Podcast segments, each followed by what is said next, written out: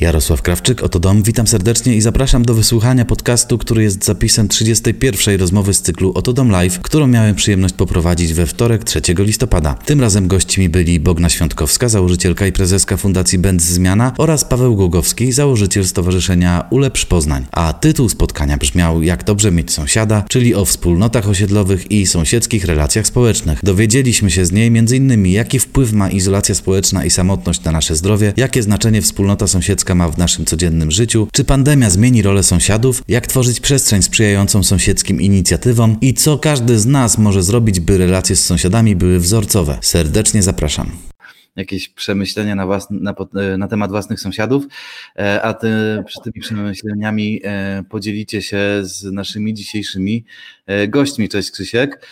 Będą nimi Bogna Świątkowska, pomysłodawczyni, fundatorka i prezeska Fundacji Będ Zmiana. Dzień dobry. Dzień dobry. I Paweł Gogowski, założyciel Stowarzyszenia Ulepsz Poznań, które e, zajmuje się także szeroko pojętą e, partycypacją społeczną i tematami rozwoju miasta. Witaj Pawle. Dzień dobry. Słuchajcie, tradycyjnie mm, wszystkie pytania e, są możliwe, nie musicie się powstrzymywać, cenzurować, więc zachęcamy do tego, by by e, odzywać się do naszych gości, by zadawać im pytania, dzielić się również e, własnymi przemyśleniami. E, widzę, że e, na razie branża w dużej mierze się odzywa. E, witamy także branżę, witamy także wszystkich, którzy z branżą nieruchomości nie są związani. Bogna Świątkowska skomentowała. Dzień dobry. Tutaj wyższy poziom, tego, tego jeszcze nie było, powiem szczerze, żeby, żeby gość, który jest na żywo z nami od razu jeszcze komentował. Będziemy mieli tą przewagę, że nie musimy odpisywać, możemy także, także, mm, także się odzywać i odpowiadać że tak powiem, werbalnie. E, drodzy goście, chciałem zacząć od tego, e, czy przypadkiem ta rola sąsiadów, która dzisiejszą, którzy są dzisiejszym tematem, nie będzie się zwiększać. Mamy zamknięte kluby, zamknięte kawiarnie, wydarzenia kulturalne są albo na ćwierć gwizdka, albo są przekładane. Cześć Jola. W związku z tym pytanie moje jest takie, czy, czy to jest taki dobry moment na zwiększenie roli sąsiadów, relacji sąsiedzkich i czy to ewentualna zmiana będzie trwała, czy zostanie z nami dłużej? Na pewno y, to jest moment, w którym to sąsiedztwo ma dużo większą rolę niż wcześniej. Właśnie z tego powodu ograniczenia tych y, bodźców, które z powodu pandemii są zwyczajnie odcinane od naszego życia społecznego. I pewnie Paweł to rozwinie, jakie to ma skutki, dla nas jako no, takich wspólnot, wspólnot lokalnych, czy generalnie dla życia miejskiego. Ale właśnie, czy to jest długotrwałe, czy tylko takie punktowe, okresowe, czy to się mm, utrzyma? To też jest takie ciekawe pytanie, na które pewnie będziemy musieli sobie poszukać odpowiedzi, ale już ten marcowy lockdown pokazał, jak bardzo ważne są te więzi, mm, które powstają, no co tu dużo ukrywać, w dosyć dramatycznych i takich okolicznościach, które wywołują w nas dużo emocji. No więc to sąsiedztwo w momencie kryzysu jest bardziej emocjonalne, bardziej wydaje mi się takie podszyte potrzebą pomocy wzajemnej, ale też nadzieją na to, że kiedy my będziemy w potrzebie, to nasi sąsiedzi nam, e, nam pomogą. Ja myślę, że, że doszło do sytuacji i ta sytuacja przed nami będzie się rozwijać, zwłaszcza, że mam wrażenie, że mm, perspektywa marcowa jest obecnie zupełnie inna niż E, znaczy jakby obecnie zupełnie inna niż marcowa, e, dlatego że mm, gdy zaczynała się ta sytuacja pandemiczna, to mm, nasze wrażenia, nasze emocje głównie chyba opierały się na, na strachu i mam wrażenie, że to szło w kierunku, w którym relacje sąsiedzkie były bardzo intensywne w tej, w tej skali e, mikro i i nie do końca mm, zawsze musiało się wzmacniać. To znaczy, ja, ja, ja mam wrażenie, że często było też tak, albo mogło się zdarzać też tak, że e, kontakt z drugą osobą, zwłaszcza w tym okresie tego lockdownu takiego pełnego, kontakt z drugą osobą był, był ogólnie niemile widziany. Oczywiście wiele osób oczekiwało jakiegoś wsparcia, zwłaszcza dla osób starszych, e, seniorów.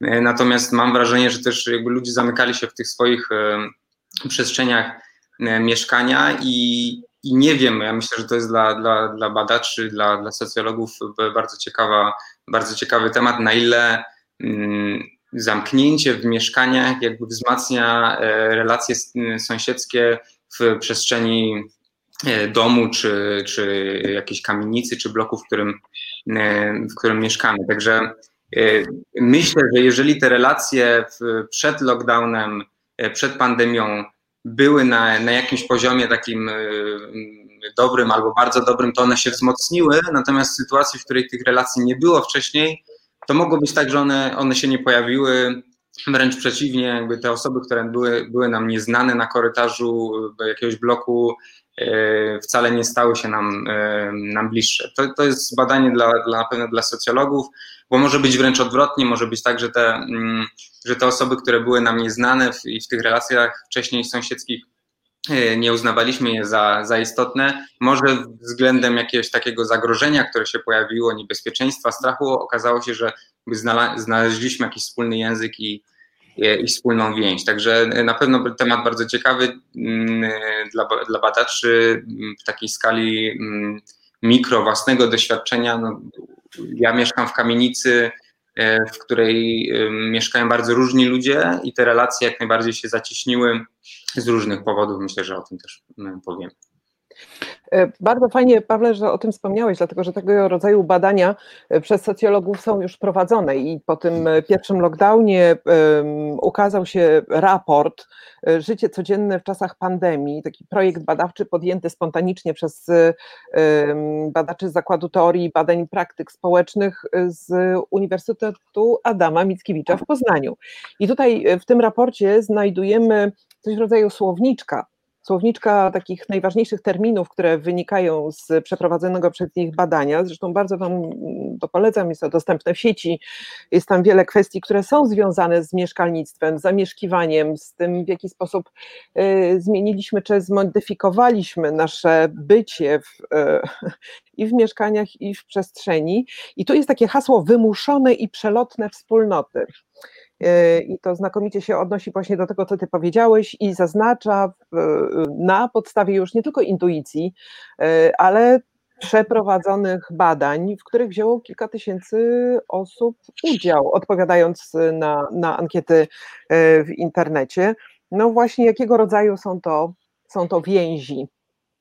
I sam tytuł tego, mm, tego hasła, że wymuszone i przelotne, już wskazuje na kierunek.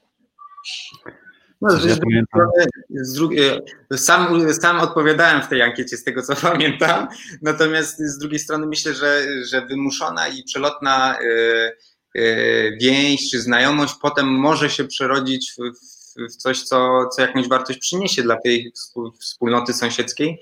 Także może czasami niektóre więzi y, zaczynają jako wymuszone i i takie nie, niechętne, natomiast potem jest nadzieja, że one się przerodzą w coś, w coś wartościowego. Pamiętam taki moment y, gdzieś tam z kwietnia, tak na oko kwietnia, kiedy wyjrzałem przez okno i jednocześnie w kadrze miałem e, matkę z córką, które chodziły z komórkami w ręku w kółko wokół podwórka e, i e, jakąś sąsiadkę, która z drugą rozmawiały na migi.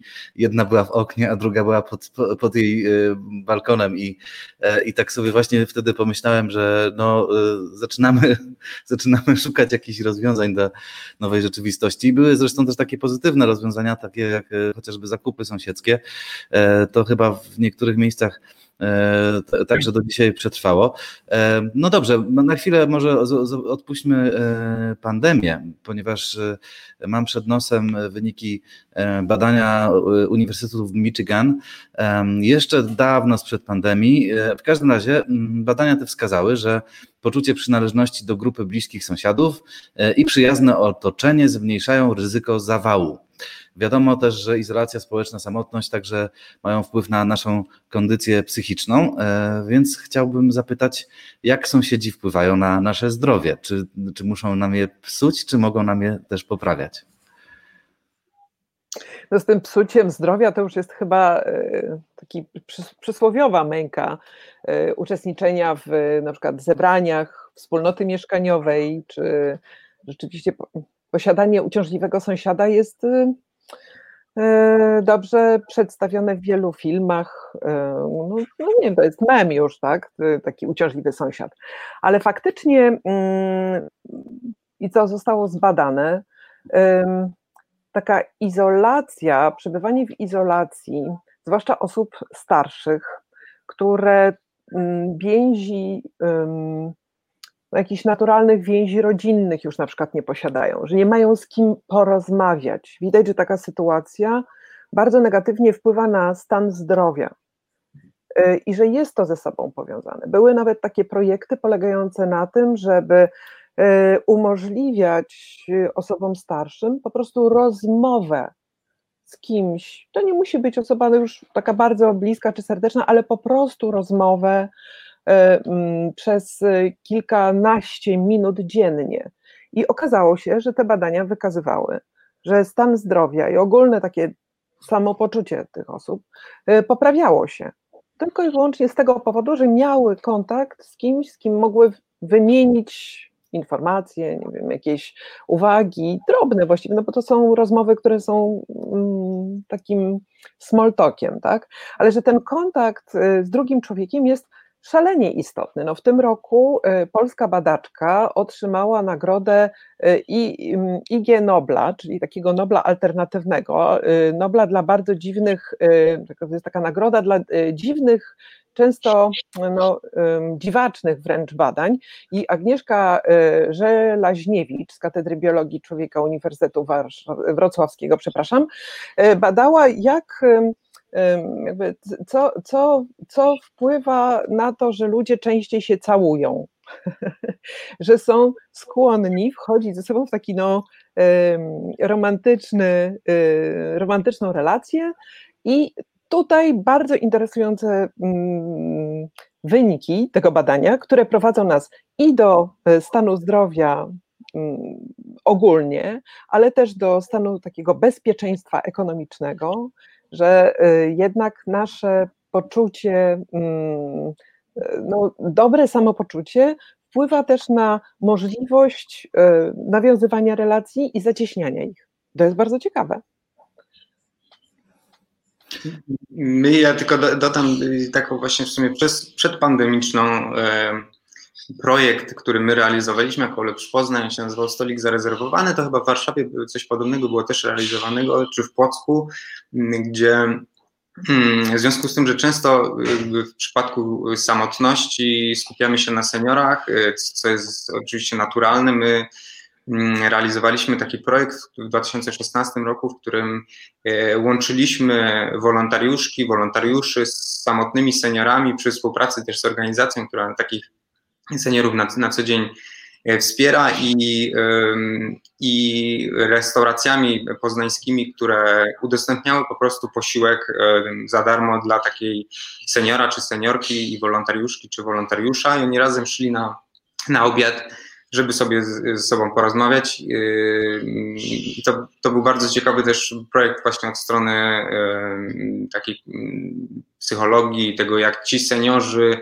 tego potrzebowali, tej codziennej rozmowy, tego spotkania z, w sumie z osobą zupełnie obcą, z którą potem po, na przestrzeni naprawdę krótkiego czasu, dwóch, trzech spotkań okazywało się, że te, te, te przyjaźnie gdzieś tam dłużej były w stanie się utrzymać. Więc z perspektywy pandemii osób e, starszych, ale nie tylko, bo, bo przecież jest mnóstwo osób, które samotnie mieszkają, nie są starsze, a na pewno też mają potrzeby rozmowy z inną osobą i tu, tak jak my teraz rozmawiamy w trójkę, oczywiście to, tą potrzebę w jakimś stopniu można spełnić poprzez taką komunikację internetową, natomiast no, nie zastąpi to spotkania w, takiego fizycznego. Więc wszystkie takie pomysły, projekty, często w zasadzie oddolne, tylko oczywiście tam też gdzieś odgórne się pojawiały, nie wiem na ile skuteczne, wsparcia dla osób, które samotnie mieszkają w w, w, z perspektywy tej pandemicznej no, są na wagę złota. Już nie mówiąc o, o wsparciu takim psychologicznym e, dla osób, które codziennie zmagają się z różnego rodzaju problemami, e, ale tu już wymaga, wymagane jest wsparcie no, profesjonalistów. No tak, bo tutaj jest taki obszar, w którym prawda, działają artyści, często y, organizacje y, pozarządowe, jacyś aktywiści miejscy inicjują projekty jak te, o których Pawle mówiłeś przed chwilą. Y, jest taki świetny i słynny już właściwie nie tylko w naszym kraju projekt Izy Rutkowskiej Podwórko imienia wszystkich mieszkańców. To są takie działania, które wchodzą w, w sytuacje, w których rzeczywiście takie wsparcie czy inicjatywa z zewnątrz jest konieczna, ale ciekawe jest dla mnie też to, co się dzieje i co musi się wydarzyć, wydarzyć, żeby tego rodzaju spajające mm, działania inicjowane były przez samych mieszkańców, bez tego, bez tej pomocy z zewnątrz. I czy na przykład dobrze zaprojektowana przestrzeń może temu pomóc? To zróbmy tak, do przestrzeni dojdziemy.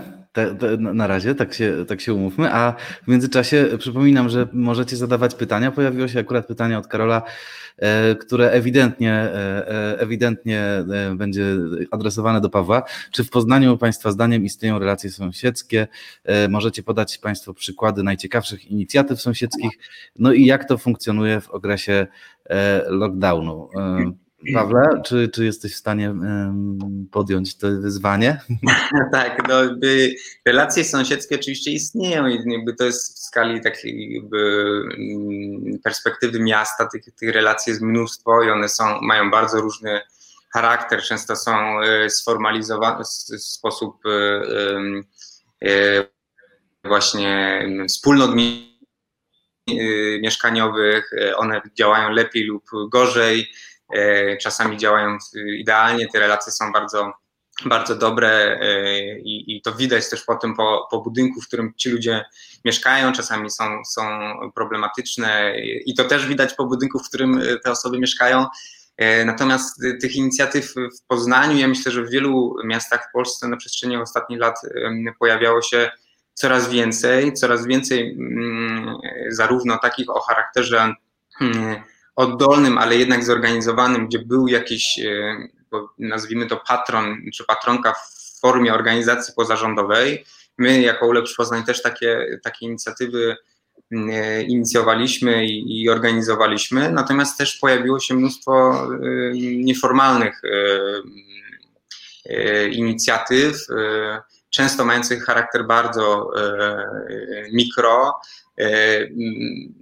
chociażby takich, których y, takim spoiwem łączącym, to jest to, to o czym Bogna powiedziała, dotyczącym przestrzeni, w której my się e, poruszamy, gdzie tym spoiwem i tym punktem e, łączącym e, jest chociażby podwórko. Gdzie na przykład podwórko jest inicjatorem, że tak powiem, do, do tego, żeby wyglądało ono inaczej, żeby pojawiła się tam zieleń, żeby, żeby pojawiły się, żeby samochody z tego podwórka zniknęły, a a pojawiły się jakieś przestrzenie dla dzieci. Oczywiście, żeby, żeby takie, takie, e, takie działanie zainicjować, e, to doświadczenie pokazuje, że potrzeba jednak e, zazwyczaj jakiegoś wsparcia. To wsparcie albo może mieć charakter taki organizacyjny, żeby podpowiedzieć w ogóle, jak się za, ta, za takie coś zabrać, albo może mieć charakter finansowy. Trzeba oddać, że w Poznaniu jest program, on nie jest idealny, ale jest jakimś takim formą e, e, zapalnika, że tak powiem, i, i, i popchnięcia do tego, żeby zadziałać, e, gdzie miasto dofinansowuje wspólnoty mieszkaniowe w celu właśnie mm, wprowadzenia chociażby zieleni do, na, na podwórkach, które często są, są całkowicie zabetanowane. Jest też taki konkurs Zielone Podwórko, które nagradza w ogóle naj, najciekawsze e, podwórka w, w Poznaniu. Więc ja, ja sam z doświadczenia tych, tych ostatnich lat y, mieszkania w, w kamienicy, właśnie we wspólnocie mieszkaniowej, widzę, że właśnie taka przestrzeń, która wcześniej e, była zdegradowana, a która ma olbrzymi potencjał, a zazwyczaj każde podwórko ma taki potencjał, e, może być jakimś takim elementem spajającym i integrującym sąsiadów. Nie jestem w stanie wymienić jakiejś większej liczby inicjatyw sąsiedzkich o takim charakterze nieformalnym i oddolnym, bo pewnie o większości nawet nie wiem, one się dzieją i, i, i mam wrażenie, że nawet lockdown w pewnych sytuacjach je, je wzmocnił. Natomiast y, z perspektywy takich inicjatyw prowadzonych przez organizacje y, pozarządowe, różne takie struktury powiedzmy bardziej zorganizowane, to myślę, że lockdown jednak to za, zatrzymał, że, że jakby nie ma za dużo przestrzeni do, e, przynajmniej z perspektywy poznańskiej, do, do tego typu działań. Wręcz niektóre zostały całkowicie zahamowane na, na poznańskim Strzeszynie. To jest takie osiedle peryfory, peryferyjne. Pojawił się też z, z inicjatywy Rady Osiedla i, i mieszkańców e, taki kontener kultury, który z tego, co się orientuje w, w okresie, w okresie tym pandemicznym, no przynajmniej, jeżeli zupełnie nie zastopował swojego działania, to przynajmniej y, znacznie zwolnił. Także trzeba rozgraniczyć między takimi zorganizowanymi inicjatywami, a zupełnie oddolnymi, nieformalnymi, które myślę, że jednak trwają, ale o większości po prostu nie wiem. Na wspomnianym Strzeszynie pamiętam, że było kiedyś co roku organizowane święto ulicy. To była taka malutka uliczka, gdzie się w ogóle nie dało e, przejechać, bo była ślepa, e, ale jednego dnia w roku e, ulicę, kostka pokrywała się kredą, e, wy, wystawiano, wystawiano e, grille, e, baloniki, dzieciaki bawiły się i robiły tego typu sprawy. Ewa pisze, że organizuje Dzień Sąsiada na swoim osiedlu w Krakowie zawsze w ostatni wtorek maja. W tym roku niestety nie było z powodu pandemii. E, z tego co kojarzę, bardzo rozbudowany Dzień Sąsiada i z dużym wsparciem miasta był organizowany także w Gdańsku. E, nie wiem, czy, czy kojarzycie tę inicjatywę, ale e, tam miasto fundowało pewne, pewne akcesoria, które ułatwiały takie wspólne spotkanie się przy stołach, które były wynoszone z mieszkań e, na zewnątrz i tam sąsiedzi e, mogli się trochę po, pointegrować. E, no, niestety, faktycznie pewnie pandemia troszeczkę e, wpływa na tego typu e, inicjatywy. Mam nadzieję, że one powrócą, a może nawet powrócą ze zdwojoną siłą. Tymczasem chciałem się podzielić takim wynikiem badania, które Oto Dom przeprowadził jeszcze przed pandemią. To jest ważne, znaczy ogłaszaliśmy to już, już po, natomiast, natomiast samo badanie było przeprowadzane przed. Mam na myśli ranking dzielnic Oto Dom. I tu w zależności od miasta średnia ocena relacji sąsiedzkich w skali od 1 do 5 wyniosła 2,57 do 3,32. E, no wynik oczywiście bardziej pozytywny niż negatywny, natomiast jeśli porównamy e, to z innymi kategoriami rankingu, to niżej oceniliśmy dostępność atrakcji kulturalnych, niżej oceniliśmy koszty, e, koszty życia, dostępność imprez. To były takie trzy kategorie, natomiast lepiej wypadły na przykład komunikacja, ekologia, estetyka okolicy, bezpieczeństwo, infrastruktura handlowa, infrastruktura dla dzieci, sportowa. Także ci sąsiedzi nie byli największym atutem okolic w w opinii Polaków. E, no i chciałem zapytać, czy się jesteście w stanie e, do tego odnieść. Dlaczego na przykład, mimo że nie jesteśmy chyba najbardziej ekologicznym krajem, ekologia wypada lepiej niż, niż sąsiedzi? No to jest bardzo dobre pytanie. To jest. Yy, Coś, co też przyszło mi do głowy, kiedy, mm, kiedy rozpoczynaliśmy tutaj rozmowy nad, nad tym tematem sąsiedztwa, czy wybierając e, mieszkanie, w którym chcielibyśmy zamieszkać, jakiego rodzaju czynniki brane są przede wszystkim pod uwagę? E, widok z okna, no oczywiście metraż, czy ogólny komfort e, jaki, zamieszkiwania, jaki będziemy mieć w tym mieszkaniu, ale czy ważne dla nas jest sąsiedztwo? Czy na przykład wybierając mieszkanie, zwracamy uwagę na to, wśród kogo i w jakiej jakości relacji społecznych będziemy mieszkali? Czy ktoś, kto kupuje mieszkanie, y, wiecie, stara się o to, żeby zapukać do drzwi wszystkich swoich potencjalnych przyszłych sąsiadów, przywitać się i zapytać: e, Cześć, to ja będę tutaj z Wami mieszkała. E, czy jesteście skłonni zaangażować się w jakieś działania wspólnotowe, jeśli na przykład mam taką żyłkę społecznikowską, a na przykład jeśli kocham spokój, to e, czy będę pukała do sąsiadów i pytała: Hej, no ja na przykład lubię spokój. Jak robicie imprezy, to będziecie mieć ze mną ciężkie życie. Tego przecież się nie robi. Jakby kupuję mieszkanie, wchodzę w to mieszkanie, a następnie muszę stawić czoła wszystkiemu, co się dzieje dookoła. To jest, e, to jest coś, co później pewnie mm, utrudnia nam e, realizację takiego planu dobrego sąsiedztwa, no bo musimy, ale na tym też polega życie społeczne, tak, że musimy się dostosowywać do tego otoczenia, które, no, w którym się e, znajdujemy siłą rzeczy. Innym modelem, inną ciekawą propozycją jest tworzenie e, takich kooperatyw, które e, tworząc e, budynki, budując je po prostu, stając się deweloperami, opierają się na pewnej umowie już wcześniej zawartej, pewnej wspólnocie ideowej czy wspólnocie wyznanych wartości i zapewne w takich sytuacjach dużo łatwiej jest ustalić warunki, w których te wspólnoty sąsiedzkie mogą funkcjonować. Tutaj świetne przykłady są z Austrii, z Niemiec, tego rodzaju budownictwa, kiedy po prostu ludzie już wchodzą w sam projekt stworzenia dla siebie mieszkań, wiedzą w jaki sposób, w jakim modelu to sąsiedztwo będą realizować. W naszym w naszej rzeczywistości w Polsce, kiedy mamy po prostu e, ten rynek e, deweloperski, gdzie tak naprawdę mm, tego spoiwa e, inicjującego zamieszkiwanie nie ma, no to jasne, że sytuacja jest e, e, dużo, dużo bardziej skomplikowana. Ja podam taki przykład z, znowu z Poznania najbliższy mi, gdzie trochę na bazie tego, co ty Bogna powiedziałaś, gdzie pewne rzeczy e, można e, obliczyć i te obliczenia są zawsze bardzo, e, bardzo ważne.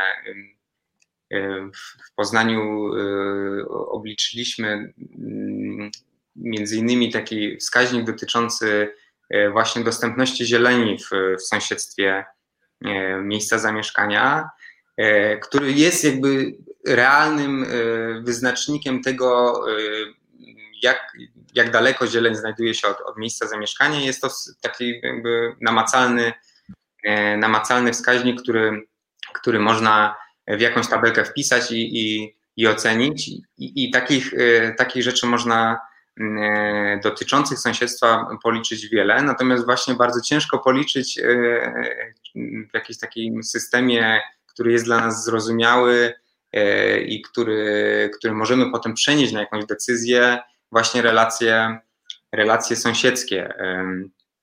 Pamiętam, że jak pokazaliśmy te wyniki e, e, w różnych grupach, takich nieformalnych na Facebooku, e, ogólnie rzecz biorąc, pokazujące, jak, jak mało zieleni jest w najbliższym sąsiedztwie, w, w, zwłaszcza w śródmieściu Poznania, to, to wywołało to olbrzymi sprzeciw ludzi. I tutaj się pojawiła ta, ta trochę taka duma jakby lokalna, gdzie ludzie jakby nie, niektórych rzeczy nie przyjmują do wiadomości albo nie chcą przyjąć do wiadomości, bo czują się związani z tą, z, z tą przestrzenią, w której mieszkają, mimo że na przykład właśnie dostęp do, do zieleni jest e, w, w tym miejscu ograniczony. Więc e, niektóre rzeczy można obliczyć i jest to bardzo ważne i, i do tego powinniśmy dążyć, ale niektórych rzeczy nie da się obliczyć i, i ciężko je ocenić, zwłaszcza przed e, wprowadzeniem się do jakiejś przestrzeni, bo nawet jeżeli by, e, byśmy podeszli i zapukali do każdego z, z mieszkań, no to jakby jest to zbyt, zbyt krótki i, i kontakt, żeby ocenić, czy ta osoba będzie z nami współżyła w jakichś takich normalnych warunkach. Więc no jest to bardzo skomplikowane i, i i złożone, ale na pewno szedłbym w tym kierunku, że sąsiedztwo to nie tylko ludzie, wokół których e, żyjemy, ale też i, i przestrzeń, i zieleń, i komunikacja, e, bo na to wszystko, jakby na, na jakość naszego życia i na jakość naszego sąsiedztwa mają wpływ wszystkie te, te czynniki. Może wobec tego dlatego wypadły w tym rankingu wspomnianym lepiej dzielnice, które niekoniecznie są w samym centrum. W Warszawie była to Wesoła Wilanów-Wawer, w Poznaniu Umultowo, Strzeszyn, Świerczewo, w Krakowie Sfoszowice, Branowice i tak dalej. Także nie wiem, może to ta zieleń, a może to jednak też rodzaj zabudowy, czyli, czyli bardziej, bardziej willowa, bardziej e, dzielnice z domami wolno stojącymi. E, może w takim, w tak, na takich osiedlach domów e, łatwiej lepiej utrzymać dobre relacje, bo kiedy chcemy i potrzebujemy, mamy kontakt z sąsiadami, a kiedy tego nie chcemy, możemy się zamknąć u siebie i mieć, kolokwialnie mówiąc, z nimi spokój. No, Jak ale to też, jest, to też jest kwestia pewnie rotacji, y, która występuje, no, tak, zamieszkiwania, która występuje w centrach miast. Dużo um, budynków y, posiada po prostu mieszkania na wynajem. No, tak jest na pewno w Krakowie, tak jest na pewno w Warszawie, gdzie pojawiają się sąsiedzi już na bardzo e, krótki czas. Ludzie przyjeżdżają, wynajmują te mieszkanie na trzy dni, a czasami na trzy miesiące, czasami na trzy lata, ale te więzi są, e, mają zupełnie inny charakter, no bo e, siłą rzeczy wymuszone to jest przez tę właśnie tymczasowość, przez ten Mm, fakt y, tego, że jesteśmy świadomi, że no, łączymy się tylko i wyłącznie w, na, bardzo, na bardzo krótki czas. Zresztą, y, co ciekawe, negatywne skutki tego rodzaju y, no, zjawiska polegającego na tym, że całe kwartały miast są oddane właściwie pod wynajem przez właścicieli tych mieszkań.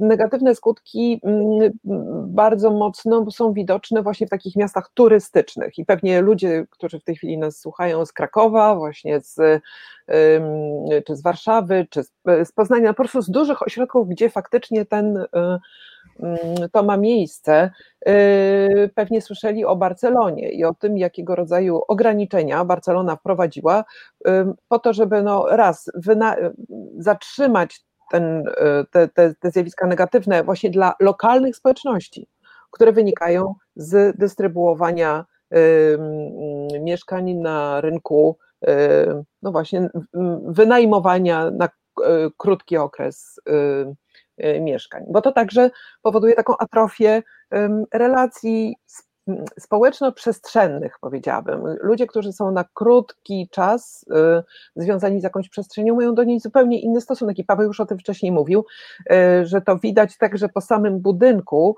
jaka jest taka wewnętrzna, wewnętrzne spoiwo ludzi, którzy w tym budynku mieszkają, pracują, nie wiem, zajmują się nim, to widać właśnie po tym, jak urządzona jest tam zieleń, czy zadbana jest y, elewacja. No, jest y, sporo sygnałów, które nam sam budynek wysyła o tym, w jakiej kondycji są relacje sąsiedzkie czy relacje ludzkie w najbliższym otoczeniu.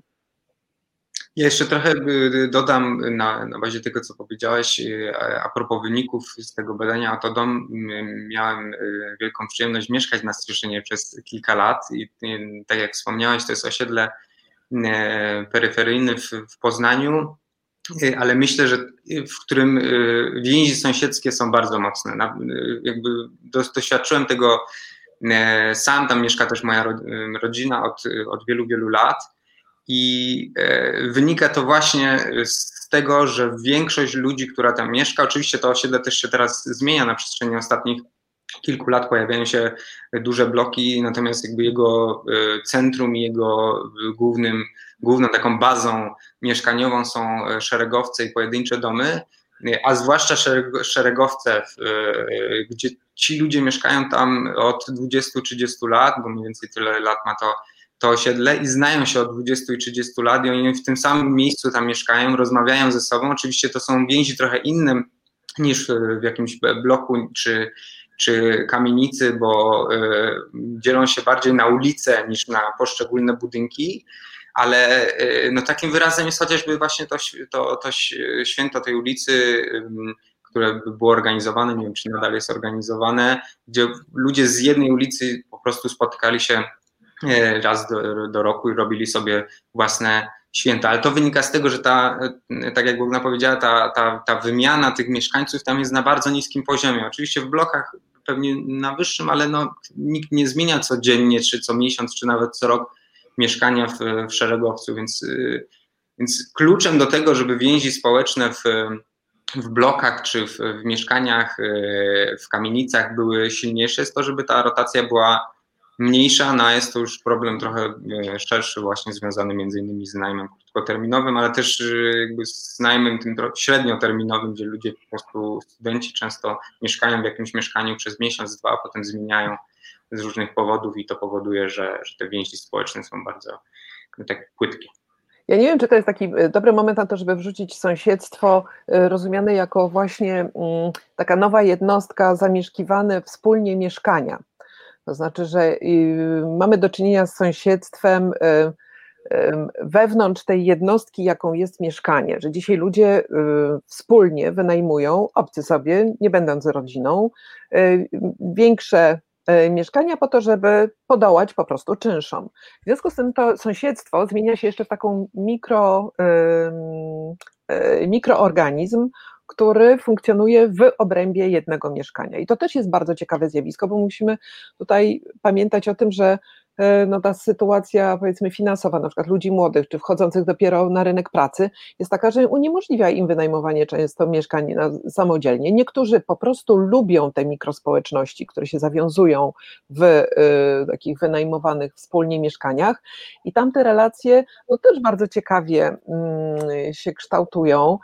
Y, są oczywiście ograniczone do, często do właśnie do obszaru tego mieszkania, ale na przykład podział pracy. Kto dba o to, żeby śmieci zostały wyniesione, czy wszyscy, y, wszyscy mieszkańcy takiej małej jednostki y, dbają o porządek w kuchni. No, to, to, są takie szczegóły, drobne rzeczy, ale one właśnie bardzo mocno świadczą o jakości współżycia i współużytkowania jakiejś, jakiejś wspólnej, wspólnego miejsca.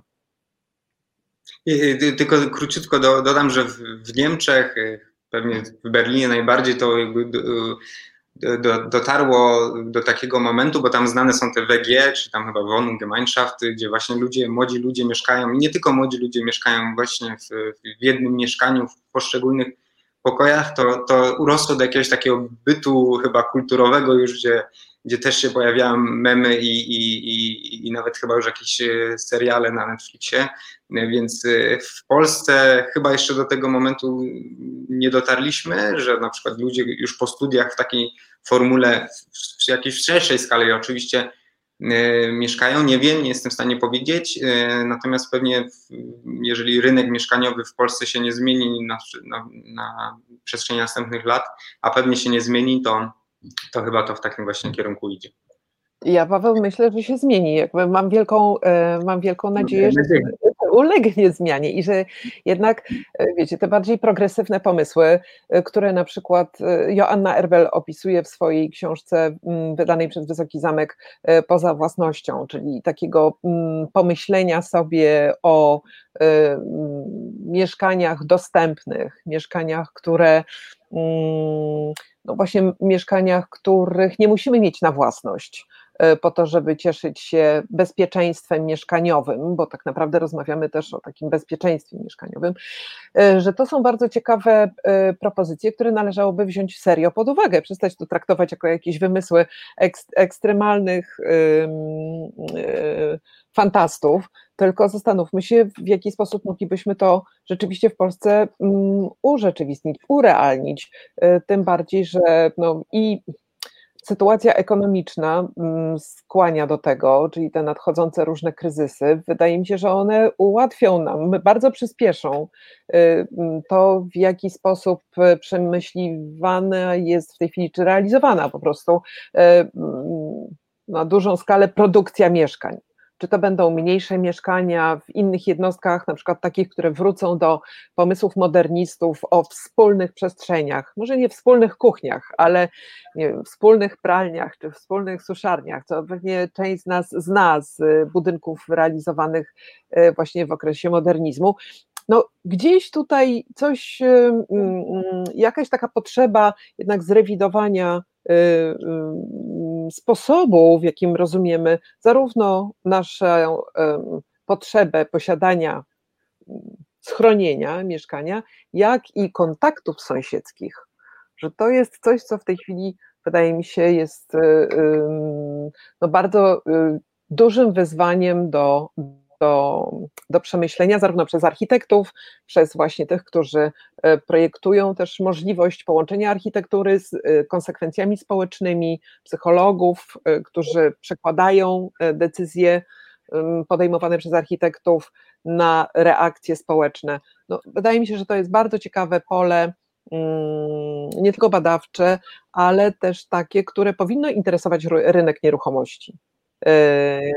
I e, z tego co wiem, rynek nieruchomości bardzo pilnie śledzi te właśnie bardzo progresywne i nowe pomysły, no bo po prostu e, widać, że też potrzeby e, mieszkańców ulegają zmianie. To na pewno, na pewno mogę powiedzieć, mając kontakt gdzieś tam z deweloperami i ich ofertami, że faktycznie no, coraz bardziej eksponowane są te części wspólne. E, między innymi pojawiły, gdzieś tam pojawiają się takie um, inicjatywy jak na przykład świetlica dla mieszkańców e, zamiast jednego mieszkania e, na sprzedaż, która jest używana potem też jako karta przetargowa, żeby, żeby przyciągnąć klientów na te pozostałe powierzchnie. Także myślę, że gdzieś tam to też jest widoczne widoczne. E, chciałem się cofnąć do tego, do tego do tej perspektywy mieszkania w kilka osób w jednym mieszkaniu, e, po drugie do perspektywy e, powiedzmy jednej klatki i po trzecie perspektywy osiedla. Co myśmy mogli zrobić i co powinniśmy zrobić, e, ale już nie czekając na to, że zrobi coś rząd, zrobi coś samorząd, nawet zrobi to jakieś stowarzyszenie, czy, czy, czy tym bardziej, nie wiem, deweloper. Co, co, co możemy zrobić, żeby te relacje sąsiedzkie samemu sobie poprawiać, wzmacniać? Jakie są sprawdzone pomysły na to, żeby życie z sąsiadami było przyjemniejsze? Ja mam prosty sposób, y, taki, który w sumie Bogna już wspomniała, pójść do sąsiada, zapukać do drzwi i się przedstawić, bo y, w dużych, y, w dużych blokach, w dużych takich strukturach mieszkaniowych myślę, że duża część ludzi się w ogóle nie zna. Miałem też okazję mieszkać w takim większym bloku, gdzie akurat relacje sąsiedzkie klatce były bardzo dobre, wszyscy się znali lepiej lub gorzej, natomiast już znajomość, w związku z tym, że tam tych klatek było 12, znajomość kogo, kogokolwiek po, po drugiej stronie bloku była prawie zerowa. I oczywiście to też nie chodzi, żeby chodzić po, po wszystkich klatkach i, i, pukać do drzwi, natomiast yy, chociażby w, jakby w swoim najbliższym sąsiedztwie pójść, zapukać do drzwi, przed, przedstawić się, jakby powiedzieć kilka słów o sobie i że się jest tam dla tej osoby w razie czego, gdyby coś było nie tak. E, I to jest chyba taki pro, najprostszy mm, e, krok i ruch, który nie wymaga ani rządu, ani samorządu, ani stowarzyszenia jednego czy drugiego, a który naprawdę może dużo zmienić. No, e, także media społecznościowe sporo pomagają, to znaczy takie inicjatywy sąsiedzkie czy zrzeszające mieszkańców najbliższej okolicy są zawiązywane też, e, no powiedzmy, w tych mediach społecznościowych, gdzie niekoniecznie to pukanie do drzwi, o którym Paweł mówi i ono jest ważne, ale właśnie w okresie pandemii znowu to jest jedna z takich aktywności, która zostaje poddana rewizji i niekoniecznie musimy entuzjastycznie reagować po pierwsze na ten kontakt bezpośredni, po drugie na otwieranie drzwi osobom nieznajomym. Więc tutaj media społecznościowe dużo bardzo zmieniły są e, zawiązywane spontanicznie wobec jakiegoś problemu. Wiecie, no, sąsiedzkość jest przede wszystkim karmiona problemem. E, wtedy, kiedy e, dochodzi do jakiegoś konfliktu, niezgody, kiedy mamy do czynienia z koniecznością wytworzenia oporu, na przykład wobec jakiejś decyzji ścięcia drzewa, czy braku miejsca do zabaw dla dzieci, wtedy ludzie się jednoczą i potrafią ogólnokrajowej, że tak powiem, od strony urbanistycznej, od, od, od strony tworzenia studium, gdzie mamy mnóstwo przestrzeni w mieście, która jest zabetonowana, y, która służy do y, komunikacji przede wszystkim samochodowej, y, indywidualnej na czterech kołach, a można byłoby, i, to się dzieje też troszeczkę w odpowiedzi na, na pandemię w niektórych miastach w Poznaniu, między innymi przyspieszyło, e, przyspieszyły zmiany rowerowe i to dosyć mocno z perspektywy e, ostatnich lat, gdzie wprowadzano takie, gdzie wprowadzono takie rozwiązania czasami tymczasowe, ale mam wrażenie, że one pozostaną już z nami na, na, na zawsze, a przynajmniej na, na długi czas, gdzie wcześniej władze samorządowe nie mogły sobie wyobrazić, że jakiś pas jezdni dla samochodów może zostać zmieniony w pas dla drogi rowerowej. Więc ta pandemia niesie za sobą E, jakiś taki mm, wpływ, który może być dobrze wykorzystany, w, jeżeli chodzi o projektowanie przestrzeni miejskiej, oczywiście może też zabetonować, umocnić te, te rozwiązania, które przez lata istniały w naszych miastach. Natomiast ta perspektywa urbanistyczna, ta perspektywa E, przestrzeni miejskiej, e, ulicy jest też bardzo e, istotna, bo tam też jest mnóstwo miejsca na to, żeby stworzyć relacje sąsiedzkie, żeby stworzyć przestrzeń przyjazną, zieloną, wyciszoną, spokojną. Tylko trzeba to, ten, ten moment wykorzystać. Oczywiście to się wiąże z często z perspektywy samorządu z, z, kosztami. Natomiast wiele tych rzeczy, i to też e, pojawiało się w książkach e, i, i wydawanych przez Fundację Będzmiana i Wysoki Zamek, gdzie wiemy, mamy przykłady rozwiązań, które można wprowadzać bardzo prosto, relatywnie tanio, a przynoszą one efekty niewspółmierne do tego, jakie pojawia się zaangażowanie finansowe. Więc i deweloperzy, i samorządy i rząd powinny brać pod uwagę właśnie aspekty zarówno architektoniczne, jak i urbanistyczne. Zbliżamy się pomału do końca naszej rozmowy, ale chciałbym zrobić taką małą komentarzową sondę e, do wszystkich, którzy nas oglądają. Napiszcie proszę, co jest dla Was najważniejsze, czego oczekujecie od sąsiadów, e, e, bo jestem ciekawy bardzo różnych punktów widzenia, które pewnie mogą się pojawić na tę sprawę. Wiadomo, że każdy z nas jest inny, każdy ma trochę inne oczekiwania. Jedni chętnie się odwiedzają, drudzy chętnie odbierają paczki od sąsiadów, a trzeci chcą mieć trochę świętego spokoju. Myślę, że ta ostatnia godzina przyniosła wiele refleksji, więc jestem ciekawy, e, co, co sądzicie o tym. To mówię, do, zwracam się do osób, które e, nas przez ten cały czas oglądały. E, a ja na koniec mam jeszcze jedno takie pytanie, bo mm, wygląda na to, że E, nie, nie, ten temat sąsiadów nie jest najważniejszy. Jak zrobiliśmy oto dom badanie dla, dla e, wśród osób, które kupiły mieszkania u deweloperów, e, to tam kwestia sąsiedzka E, była wymieniona dużo dalej niż na przykład e, koszty na różne sposoby e, obserwowane, czyli zarówno koszty zakupu, jak i koszty utrzymania i tak dalej. Miejsce parkingowe, estetyka, infrastruktura, to było gdzieś tam częściej zaznaczane niż sąsiedzi. Czy trochę nie doceniamy tego aspektu, kupując nieruchomość albo, albo wynajmując ją?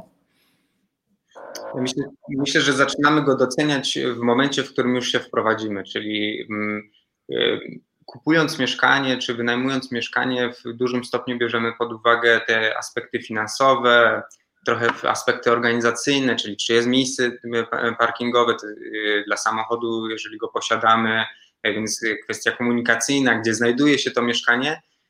Natomiast i to, to są kluczowe i niezbędne elementy wyboru przypadku mieszkania. Natomiast e, często przez to, że nie jesteśmy świadomi w tym procesie pewnych następstw, które pojawią się w, momencie wprowadzenia się, nie myślimy o tym właśnie, kto mieszka nad nami, kto mieszka pod nami.